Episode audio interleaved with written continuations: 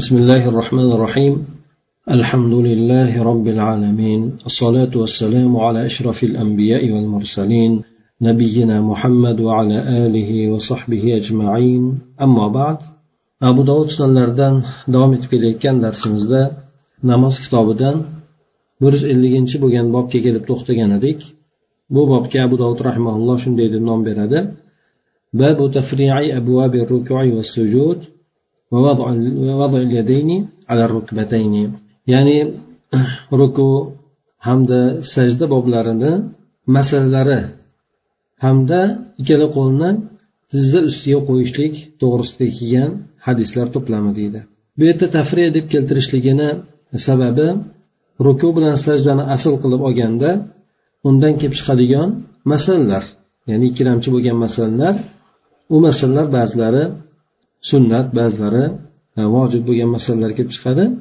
lekin bu yerda aytib o'tilgan edik bular bu masalalar ruku bilan sajdaga bog'liq bo'ladi sakkiz yuz oltmish sakkiz oltmish yettinchi bo'lgan hadis bu hadisda abu dovud rahmaulloh musab ibn saaddan rivoyat qilgan ekan u kishi aytadiki صليت إلى جنب أبي فجعلت يدي بين ركبتي فنهاني عن ذلك فعدت فقال لا تصنع هذا فإن فإنا كنا نفعله فنهينا عن ذلك وأمرنا أن نضع أيدينا على الركب u kishi aytadiki men otamni yoniga turib namoz o'qiyotgan edim ikkala qo'limni tizzamni o'rtasiga qildim tizzani ustiga emas balki tizzani ikkala tizzamni o'rtasiga qildim otam meni o'sha narsani qilishlikdan qaytardi men yana o'sha narsani qaytib qildim Keyin aytdiki bunday qilmagin. Biz o'sha narsani qilar edik o'sha narsadan keyin qaytarildik. Qo'llarimizni tizzalarimizni ustiga qo'yishlikka buyurildik deb aytadi. Bu hadisni imom buxoriy hamda imom muslim ham rivoyat qilgan ekan. Undan keyingi bo'lgan hadisda sakkiz yuz oltmish sakkizinchi bo'lgan hadisda alqama bilan asvad ya'ni ikkalasi ham abdulloh masud roziyallohu anhuni shogirdlari abdulloh masud roziyallohu anhudan rivoyat qilishgan ekan u kishi aytadilarki ذراعيه على فخذيه وليطبق بين كفيه فكأني أنظر إلى اختلاف أصابع رسول الله صلى الله عليه وسلم ya'ni bu hadisni imom muslim ham rivoyat qilgan ekan abdulloh masud roziyallohu anhu aytadilarki agar sizlarni bittalaringiz ruku qiladigan bo'lsa bilagini sonni ustiga qo'ysin falyafrish Ya'ni o'sha narsani ustiga to'shasin qo'ysin va ikkala kaffini o'rtasini bir biriga yopsin. Go'yoki men payg'ambar sallallohu alayhi vasallamni barmoqlarini bir biriga qarshi turganligini ko'rardim deydi. Mana bu ikkala hadis. Birinchi hadisda yuqorisida aytib o'tdiki musabni saad otasi bilan birga namoz o'qigan paytida ikkala qo'lini sonini orasiga qo'ygan. Tizzasini ro'parasidagi yan tarafidagi sonini orasiga qo'ygan.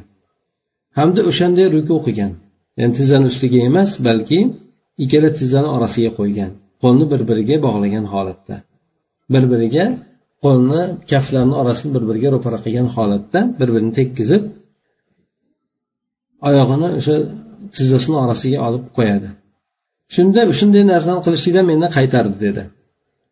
Qaytargan edim bunday qilmagin bu narsani qilardik biz ham keyin qaytarildik qo'llarimizni tizzalarimizni ustiga qo'yishlikka buyurildik dedi.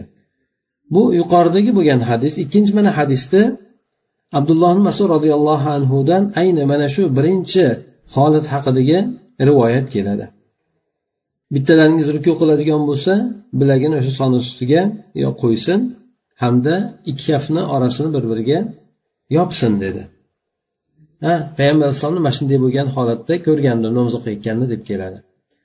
Demak avvalda rukuga borganda qo'lini tizzani ustiga emas balki ikkalasini bir biriga yopishtirgan holatda kaftlarini barmoqlarini barmoqlariga tekkizgan holatida ichki tomonidan buni ikki tizzani orasiga olib qo'yishar ekan. Mana shunday ruku qilishardi ekan. Keyin bundan qaytarilganda tizzani ustiga qo'yishlikka buyurilgan. Ko'p hadislarda mana rivoyatlarda keladi tizzani ustiga qo'llarni qo'yishlik to'g'risida. Lekin olimlar aytishadiki abdulloh masud roziyallohu anhuga bu kishi payg'ambar sallallohu alayhi vasallam mana shunday qilayotgan holatni ko'rganligi bor lekin bunday bo'lgan holat mana yuqoridagi bo'lgan hadisda kelyapti mansux ekanligi. Ana o'shanga binoan abdulloh masud roziyallohu anhuga vallohu alam mansuh qilgan yuqoridagi rivoyat yetib kelmagan bo'lsa kerak shuning uchun bu kishi mana shu holatda davom etganlar. Yuqoridagi bo'lgan hadis esa ochiq suratda aniq aytib turibdi o'shanday narsani qilar edik keyin bu narsadan qaytarildik deb. Demak yuqoridagi bo'lgan hadis quyida undan keyin kelayotgan hadisni e, mansuh qilgan ekan. Mansuh degani nasx qilishlik degani shar'iy bo'lgan hukmni undan keyin keladigan boshqa shar'iy hukm bilan e, hukmini to'xtatishlik. Mana shu narsani nasx deyiladi. Demak ana o'shanday narsa bu yerda sodir bo'lgan ekan. Shuning uchun yuqoridagi bo'lgan tizzani ustiga qo'llarni qo'yishlik yuqoridagi hadislarda ham o'tganda mana shu narsa sunnat bo'ladi.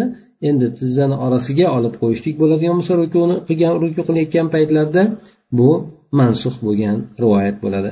To'rtla mazhab olimlari ham ayni mana shu yuqoridagi bo'lgan hadisni olishgandir. Faqat abdulloh masud roziyallohu anhu u kishini ba'zi shogirdlari o'sha payg'ambar alayhissalomni keyin ham abdulloh masud mana shunday holatda namoz o'qiganligi rivoyat qilinadi.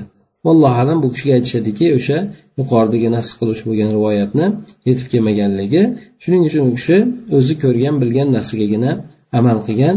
Bu narsani esa shariatda zarari yo'qdir. Balki insonga o'zi bilgan bilimi yetib kelgan bilimiga ko'ra amal qilishligiga ajr olishligi aytiladi. Bir yuz ellik birinchi bo'lgan bob bu bobda abu dovud rahmaulloh aytadiki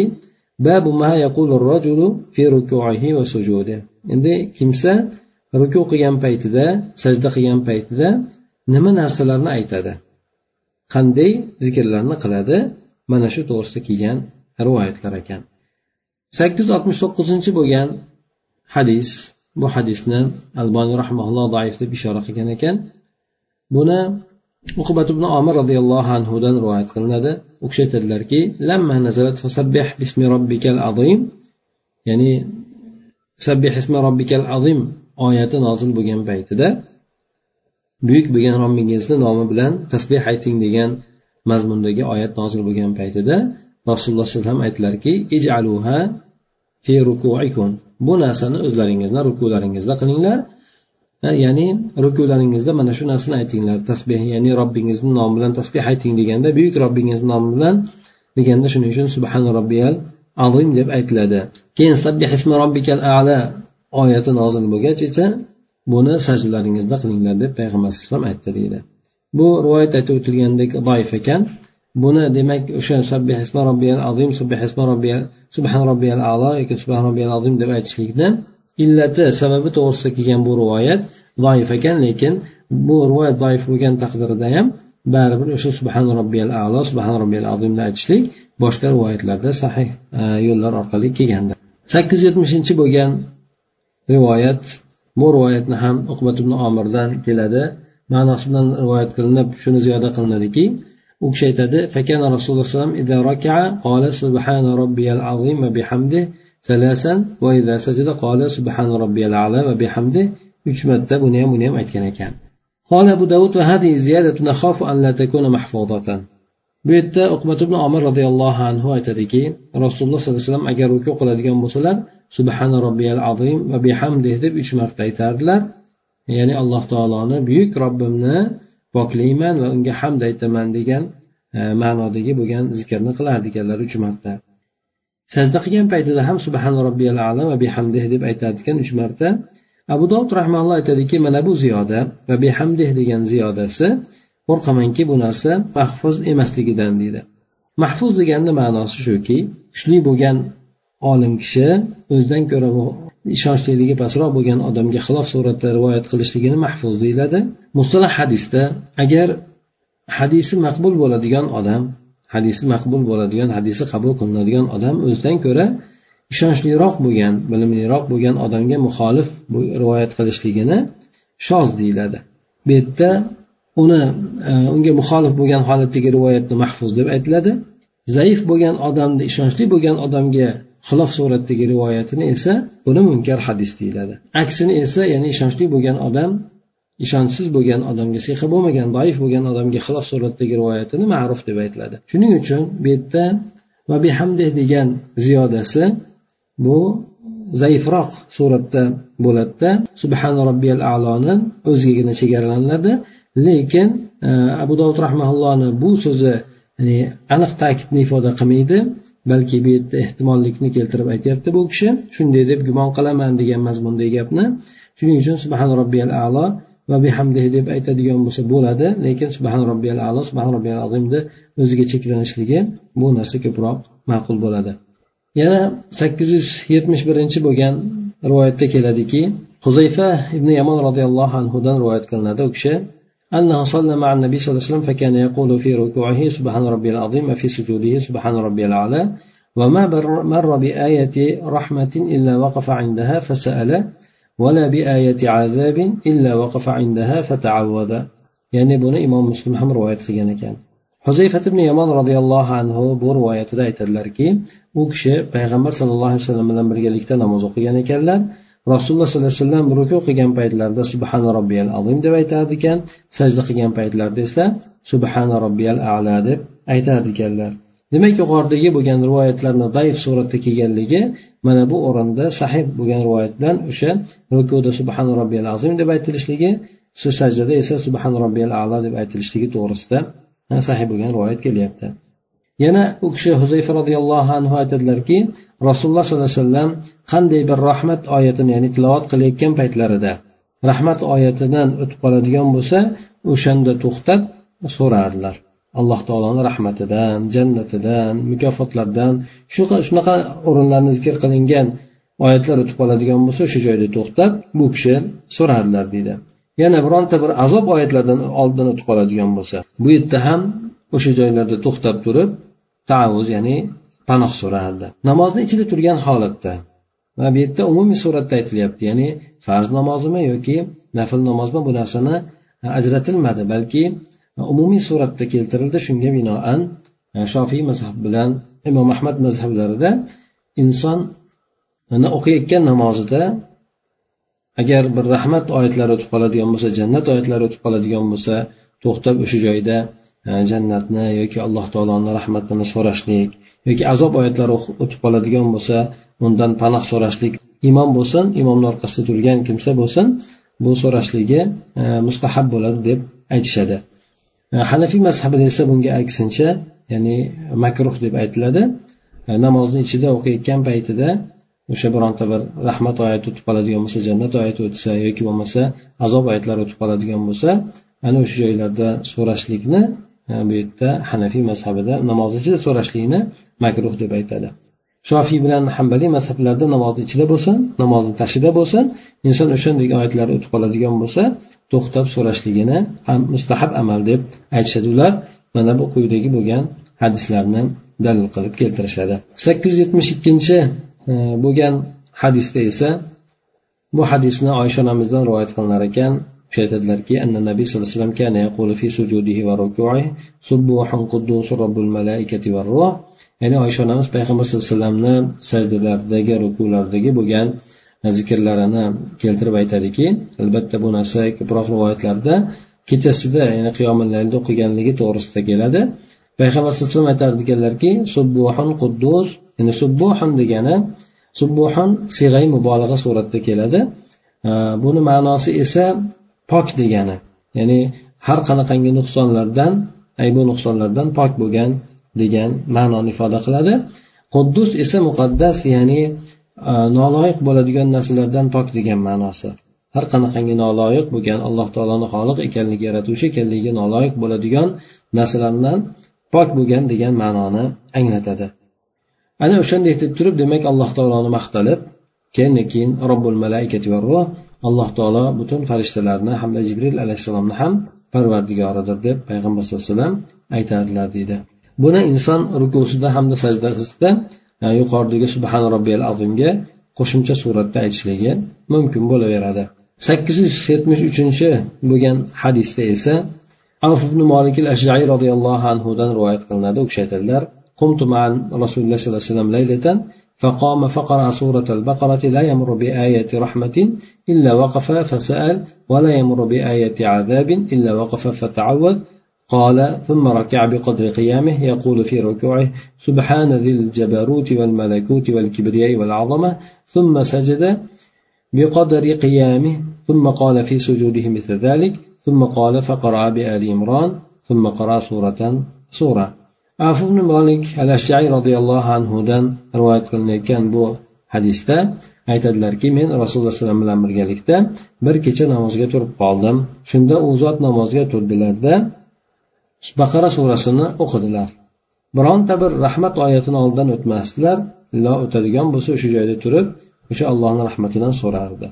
Azob oyatlarida zikr qilingan oyatlardan o'tib qoladigan bo'lsa azob zikr qilingan oyatlarni oldidan o'tib qoladigan bo'lsa u joyda to'xtab o'sha narsadan panoh so'rar edi so'ng va qudorda ruku qilardi. Ya'ni uzun ruku qilardi. Bu yerda yuqoridagi bo'lgan hadislarni aytilganda aytib o'tgan edik muhaqqiq bo'lgan olimlarni so'ziga ko'ra e, bu yerda qiyom miqdorida turgani deganda qiyomi albatta mana baqara surasini o'qigan bo'lsa baqara surasini kamida o'qiydigan odam bir soatda o'qiydi yoki undan ko'ra ziyodaroq bo'lishi mumkin. Demak o'shuncha miqdor rukusida turmagan balki qiyomni uzun qilgan paytida rukuni ham sajdalarni ham uzun qilishligi ya'ni o'shanga munosib bo'lishligi uchun uzunroq qilishligini qisqaroq bo'lganda qisqaroq qilishligini aytib o'tishgan edi. Ana o'shanga binoan bu yerda qiyom miqdori ya'ni qiyomiga mos bo'ladigan miqdorda ruku qildilar degan mazmunni aytishadi. So'ng rukusida subhana zil jabaruti val malakut ya'ni subhana degani men poklayman degan alloh taoloni. Zil jabarut ya'ni jabarut g'oliblik. Hukmronlik g'oliblik egasi bo'lgan malakut ya'ni butun mulk egasi bo'lgan butun butun yer osmonlarni mulkini egasi bo'lgan kibriya o'zini judayam baland tutuvchi bo'lgan ulug' bo'lgan buyuklik egasi bo'lgan zotni poklayman deb shu jabarut val malakut val kibriya val azoma deb payg'ambar alayhi vasallam rukularda aytilardilar keyin esa qiyomi barobarida yana sajda qilardilar. Sajda qilganda ham o'sha qiyomiga mos suratda uzun sajda qilardilar. So'ng sajdalarda ham aynan o'sha narsani mislini aytadilar so'ng oli imron yana turib payg'ambar alayhisalom oli imron surasini o'qiyardilar. So'ng shunday surama sura harakatlarni davom etadilar deydi mana bu yerda demak yana yuqoridagi bo'lgan ma'noni ta'kidlab o'tyapti. Ya'ni bironta bir rahmat oyatini oldidan o'tadigan bo'lsa turib so'rardi azob oyatini oldidan o'tadigan bo'lsa turib undan panoh so'rardi deb keltiradi o'tadi bundan tashqari yana inson rukusida hamda sajdasida yuqorida kelgan zikrlardan boshqasini ham qilishligi mumkin ekan sakkiz yuz yetmish to'rtinchi bo'lgan hadisda esa bu hadisni huzayfa roziyallohu anhudan rivoyat qilinadi bu kishi aytadilarki rasululloh sollallohu alayhi vasallam فكان يقول الله أكبر ثلاثا ذو الملكوت والجبروت والكبرياء والعظمة. ثم استفتح فقرأ البقرة ثم ركع فكان ركوعه نحو من قيامه وكان يقول في ركوعه سبحان ربي العظيم سبحان ربي العظيم. ثم رفع رأسه من الركوع فكان قيامه نحو من قيامه يقول لربي الحمد. ثم يسجد فكان سجوده نحو من قيامه فكان يقول في سجوده سبحان ربي الأعلى ثم رفع رأسه من من السجود فكان وكان يقعد فيما بين السجدتين نحو من سجوده وكان يقول رب اغفر لي رب اغفر لي. فصلى أربع ركعات فقرأ فيهن البقرة آل عمران والنساء والمائدة والأنعام شك شعبة. حذيفة رضي الله عنه aytadilarki u kishi rasululloh sollallohu alayhi vasallamni kechasida namoz o'qiyotganligini ko'rgan ekan. Rasululloh sollallohu alayhi vasallam allohu akbar deb uch marta aytdilar. Keyin zul jabarut zul malakut val jabarut butun mulkiyat egasi butun hukmronlik g'olibiyat egasi e, judayam o'zini kibr egasi ya'ni o'zini judayam baland tutuvchi bo'lgan buyuk zot ya'ni buyuklik egasi deb alloh taoloni payg'ambar alayhissalom maqtab o'sha allohu akbar deb uch marta aytgan ekanlar. So'ng undan keyin istaftaha degani namozni boshladilar. Istiftaha ma'nosini o'sha sano o'qishlik ham deb aytiladi yoki namozni boshladi degan ma'nosida ham aytishlik mumkin. Istiftoh demak o'sha boshligi sano o'qishlik ko'proq ma'nosi. Keyin undan keyin baqara surasini o'qidilar so'ng ruku qildilar. Rukulari o'sha qiyomiga yaqin atrofida edi. Rukusida aytadilarki subhan robbiyal azim subhan robbiyal azim deb aytadilar. So'ng boshini rukudan ko'tardilar. U kishini rukudan turgan paytlari ham o'sha qiyomiga barobar bo'lardi ya'ni qiyomini atrofida bo'lardi turganligini atrofida bo'lardi. Keyin aytdilarki qiyomiga turgan paytda li robbil hamd. Ya'ni robbana lakal hamd bunga li robbil hamd. Samiallohu liman hamida degandan keyin robbil hamd deb aytadi aytgan ekanlar bu yerda.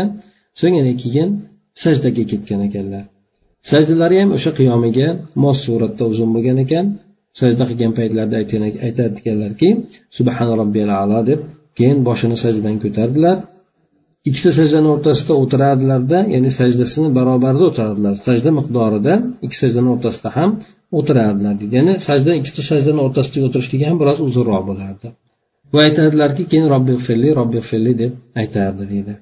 Mana bu yerda boshqa bir zikr keldi. Allohimma vahdini va degan yuqoridagi bo'lgan zikrdan boshqa e, duo qilishligi. U ham e, rivoyatda keladi.